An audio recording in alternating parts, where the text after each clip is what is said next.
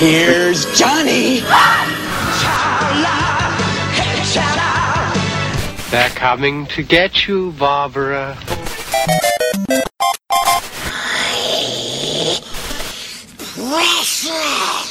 Expecto Patronum! Look at me, Damien. Yippee-ki-yay, motherfucker. eherbata.pl Gonna be legend. Wait for it. It's a trap! Dairy. Legendary.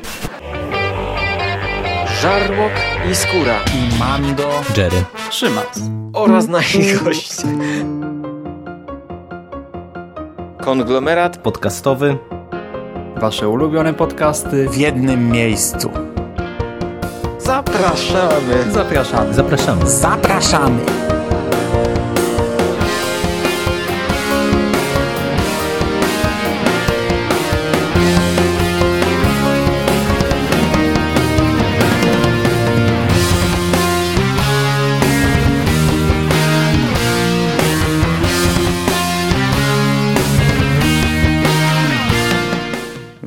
Witam w konglomeracie podcastowym, czyli na platformie, która zbiera wszystkie Wasze ulubione podcasty w jednym miejscu.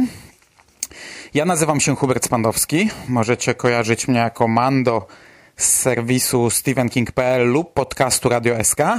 A dzisiaj opowiem Wam o drugim tomie książki z Uniwersum Kompleks 7215 autorstwa Bartka Biedrzyckiego pod tytułem Stacja Nowy Świat. No i dzisiaj będzie trochę krócej niż ostatnio, ponieważ dzisiaj nie jest potrzebny cały ten wstęp i cała obudowa. Druga część, czyli Stacja Nowy Świat, to jest jednocześnie prequel i sequel. Niby część główna akcji, przy czym to jest dużo, dużo mniejsza część, rozgrywa się bezpośrednio po wydarzeniach z kompleksu po finale kompleksu Borka, nasz główny bohater, no, pod wpływem tego, co tam się okazało pod koniec y, pierwszej części, próbuje jakoś tam kontynuować y, swoją wyprawę. Wraca oczywiście na swoją stację, dopina kilka spraw, kilka na nowo rozpoczyna, ale próbuje gdzieś tam potoczyć swoje losy w dalszym kierunku, przy czym w tym tomie jeszcze mu się to nie udaje. Tutaj bardziej skupiamy się na rozmowach e, z dziewczyną i rozmowach z przełożonym i wszystkie te rozmowy są początkiem do kolejnych retrospekcji. Tak naprawdę cała książka zaczyna się od jednej wielkiej retrospekcji. Znów kolejna książka, która zaczyna się od momentu e, wybuchu wojny. Znów widziana e, z punktu widzenia pewnej rodziny z dzieckiem, tym razem jest to historia Jerzego Nowickiego, czyli późniejszego imperatora. I tak naprawdę przez e, no, jedną trzecią książki śledzimy powstanie imperium, e, budowanie się pozycji Nowickiego jako w roli imperatora, budowanie jego armii, budowanie potęgi tej stacji, no i pierwsze bitwy z zakonnikami, które stoczyli żołnierze imperium. Potem oczywiście wracamy do teraźniejszości, ale nie, nie, nie zostajemy tam na długo. Tak jak mówię, no, widzimy Borkę, który trafia do swojego przełożonego, rozmawia z nim, natomiast Grom, czyli jego przełożony, opowiada mu e, tę całą historię ze swojego punktu widzenia. I w ten sposób znów dostajemy opis zagłady, teraz widziany oczami Groma, a potem skaczemy od pierwszych dni po zagładzie przez tak naprawdę pierwsze 8 lat po zagładzie, e, zatrzymując się najdłużej na szóstym i ósmym roku po zagładzie. Czyli na tej pierwszej bitwie z zakonnikami i na ostatecznej bitwie i upadku imperium. No i z tej książki dowiadujemy się dokładnie, jakie były szczegóły tego upadku i jaką rolę odegrał syn, licznik, bohater pierwszego tomu, który, jak wiemy, zwieńczenie tej całej historii licznika i imperatora, czyli syna i ojca, mieliśmy w pierwszym tomie. E, tam ta cała historia upadku imperium i upadku imperatora była tylko gdzieś tam liźnięta i tylko e, jej strzępy, jej okruszki dostaliśmy, no ale dostaliśmy jej finał tak naprawdę, a tutaj dowiadujemy się jak to wyglądało od pierwszych dni, od, e, od początku imperium, od końca tego świata, który znamy. Ta książka w zasadzie nie ma głównego bohatera, ponieważ retrospekcje śledzimy z punktu widzenia różnych osób, no a w teraźniejszości ciężko powiedzieć, żeby ktoś tutaj był głównym bohaterem i ciężko powiedzieć, żeby to w ogóle miało jakąś większą historię w teraźniejszości.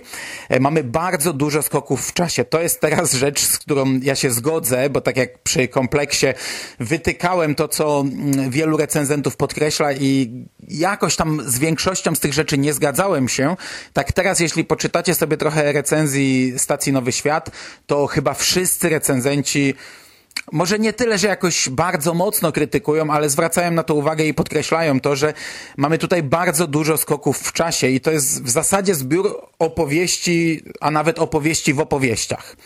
I ba bardzo często to nie jest jakaś taka pełna retrospekcja, tylko znów na takiej zasadzie jak ostatnio, że zaczyna się jakaś akcja, nagle z akapitu na akapit przeskakujemy do samego początku tej akcji albo o kilka dni wcześniej, jak doszło do tego, że, że, że ta akcja w tej chwili się rozgrywa, a potem znów z akapitu na akapit wracamy w to miejsce, potem wracamy do teraźniejszości, do przeszłości, walka, jakiś początek walki, mnóstwo, mnóstwo, mnóstwo skoków e, Bartek Biedrzycki stosuje. I ja ponownie tę książkę przyjmowałem w formie audio.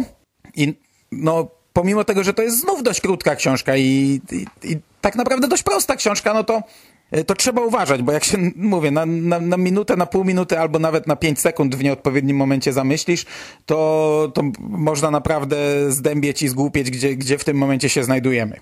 Nie mam pojęcia, jak to jest e, w papierowej wersji, ponieważ papierowej wersji jeszcze nie posiadam. E, czy to jest oddzielane jakimiś kropeczkami, czy, czy, czy to jest po prostu faktycznie tak z akapitu na akapit, czy, czy, czy mamy jakąś przerwę, czy nie, nie mam pojęcia. No ale faktem jest, że tym razem to jest na naprawdę dużą skalę zrobione. Ta powieść ma e, postać szkatułkową, przy czym no nie jest to taka klasyczna szkatułka, mnóstwo pociętych fragmentów powtykanych w siebie. Przenosimy się na kilka rozdziałów, albo na jakieś pojedyncze wydarzenia, albo na całe wielkie historie, albo na, na, na, na pojedyncze strony. No i to oczywiście może wprowadzać chaos i może wprowadzać dezorientację. Ja przyznam, że tym razem mnie to nie wybijało i ogólnie podobało mi się jak to było podane i podobało mi się e, jak poznawaliśmy różne elementy tej układanki i jak kolejne elementy wskakiwały na swoje miejsce, e, nie liniowo, tylko właśnie tak trochę chaotycznie. I podobało mi się, że gdzieś tutaj czasami były porozrzucane takie, takie drobne smaczki, drobne fragmenty, drobne rzeczy, które tak naprawdę, których nie musiałoby tutaj być jakiegoś małego borka. Gdzieś tutaj spotkaliśmy zupełnie przypadkiem albo jeszcze inną postać. E Okej, okay, a skoro już jestem przy postaciach, no to postaci ciekawe. Są na pewno lepiej rozpisane niż e, w pierwszej części. Tutaj też oczywiście właśnie dostajemy różne skrawki historii tych bohaterów, począwszy od tych najwcześniejszych, kiedy e, nasi bohaterowie pojawiają się jako dzieci, przez e, lepsze podbudowanie ich w dniu dzisiejszym.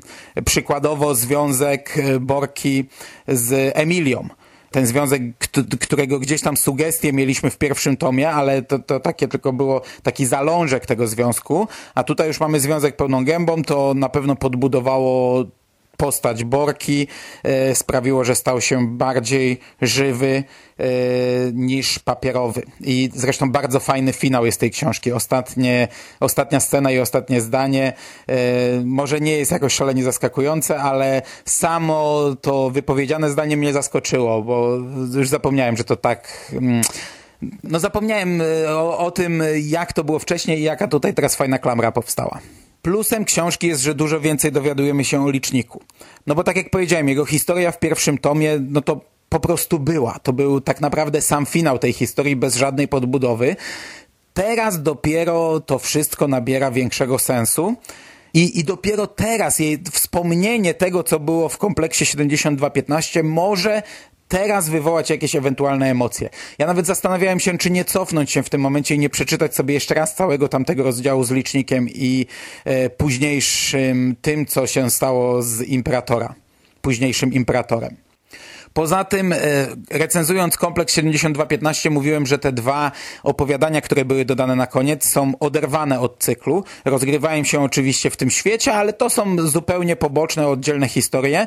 No teraz bardzo mi się podoba, że Bartek tych bohaterów poumieszczał w nowej książce i no i okazuje się, że to nie jest tylko jakiś tam element, który sobie jest i nic nie znaczy, tylko to wszystko jest fajnie połączone jakąś siecią, jakąś linią i mam nadzieję, że będzie łączyć się jeszcze bardziej i wraz z trzecią książką to wszystko jeszcze fajnie się zapętli, dlatego bardzo się cieszę, że teraz w tym momencie przeczytałem te dwie książki, będę czytał Dworzec Śródmieście, e, mając te wszystkie wydarzenia na świeżo i na bieżąco w głowie. Oprócz tego stacja Nowy Świat zawiera bardzo dużo smaczków i nawiązań. Oczywiście, no, różne smaczki i nawiązania były już w pierwszym tomie i ja wtedy o tym nie mówiłem, no ale to nie znaczy, że teraz nie mogę naprawić tego. I są to nawiązania od takich bardzo oczywistych, przez dość oczywiste, ale są też nieco mniej rozpoznawalne. E, na marginesie znów mamy tutaj wprowadzone między innymi Uniwersum Metro, o którym sporo mówiłem e, recenzując kompleks. Przy czym tutaj uniwersum Metro istnieje w tym świecie jako fikcja literacka, czyli jako seria książek, tak jak jest to w prawdziwym świecie. Tutaj na przykład bohaterowie czytają którąś z książek uniwersum Metro i jakiś tam jest zabawny komentarz do, do rzeczywistości, w której żyją, albo pojawia się jakaś postać, tutaj w, tej, w tym akurat konkretnym tomie pojawia się bohater, który ma związek z uniwersum Metro 2033, Fajne, bardzo mi się podoba. I tak naprawdę cała ta książka skupia się na poszarpanej, porwanej historii powstania i upadku imperatora oraz historii licznika, a dopiero finał stacji Nowy Świat jest tak na dobrą sprawę następstwem, kolejnym krokiem, do jakiego powinno dojść w zasadzie bezpośrednio po kompleksie 7215. Także wychodzi na to, że stacja Nowy Świat jest takim trochę, no to brzydkie słowo, kreślę tutaj cudzysłów, wypełniaczem. Czy jest on potrzebny? No ciężko powiedzieć. Z punktu widzenia historii Borki, szukającego ojca, no to, to nie jest potrzebne, ale z punktu widzenia budowania większego świata, to jak najbardziej jest potrzebne i, i, i jak najbardziej jest to dobra, bardzo dobra książka. Czy jest to lepsze od oryginału, czy gorsze? Ciężko powiedzieć. Yy znaczy oryginału, no, od pierwszej części. Zarówno kompleks 7215, jak i stacja Nowy Świat ma swoje plusy, ma swoje minusy.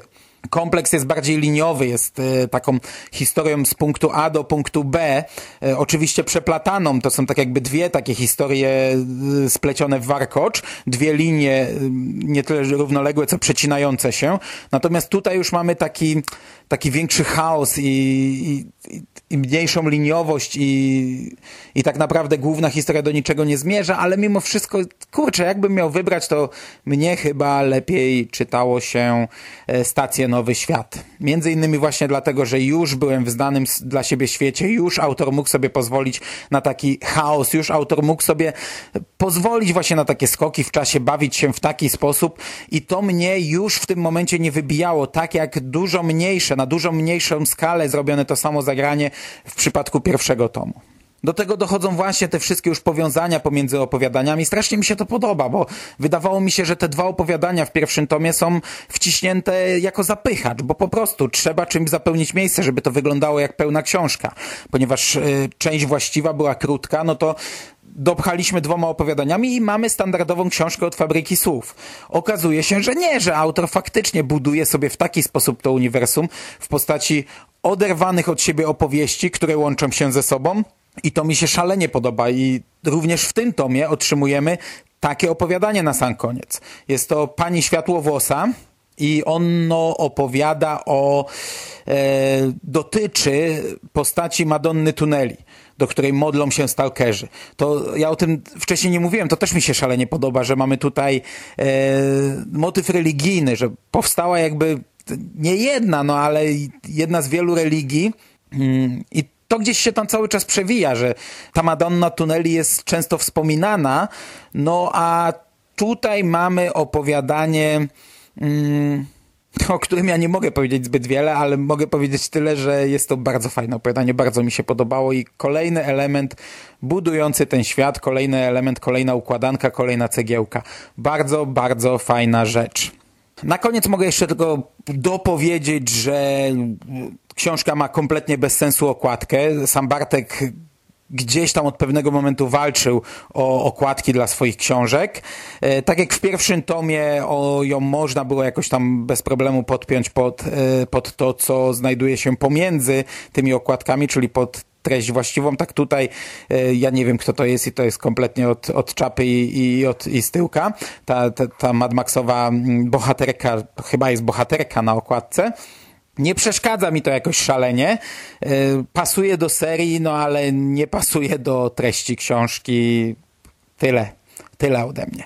E, Na koniec jeszcze raz bardzo polecam. Ja postaram się jeszcze przed premierą, bo nie wiem kiedy wysłuchacie tych podcastów. Ja tak naprawdę pierwszy nagrywałem chyba jeszcze w grudniu, e, drugi nagrywam ten teraz na sam koniec stycznia. Bardzo możliwe, że wszystkie te podcasty polecą przed samą premierą trzeciego tomu, także e, polecą w bloku i to będzie może brzmiało dziwnie, jak, jak, jak gdzieś tam tutaj odnoszę się do tego, co jeszcze będę robił, bo chyba przy pierwszym też mówiłem o tym, kiedy przeczytam kolejne tomy. Mam nadzieję jeszcze przed Dworcem Śródmieście, przed zamknięciem trylogii, przeczytać książkę e, Upadła Świątynia. Przy czym ta niestety już nie została wydana w audiobooku, więc muszę znaleźć taki moment, gdzie będę mógł czytać w tradycyjny sposób, a zi- zimą jest mi trudniej. E, No i czekam na premierę trzeciego tomu, a wam jak najbardziej polecam bardzo dobre książki. Jeśli lubicie postapokalipsę, to chwytać śmiało. Na dzisiaj to będzie wszystko. Ja Wam bardzo dziękuję. Trzymajcie się ciepło. Do usłyszenia. Cześć.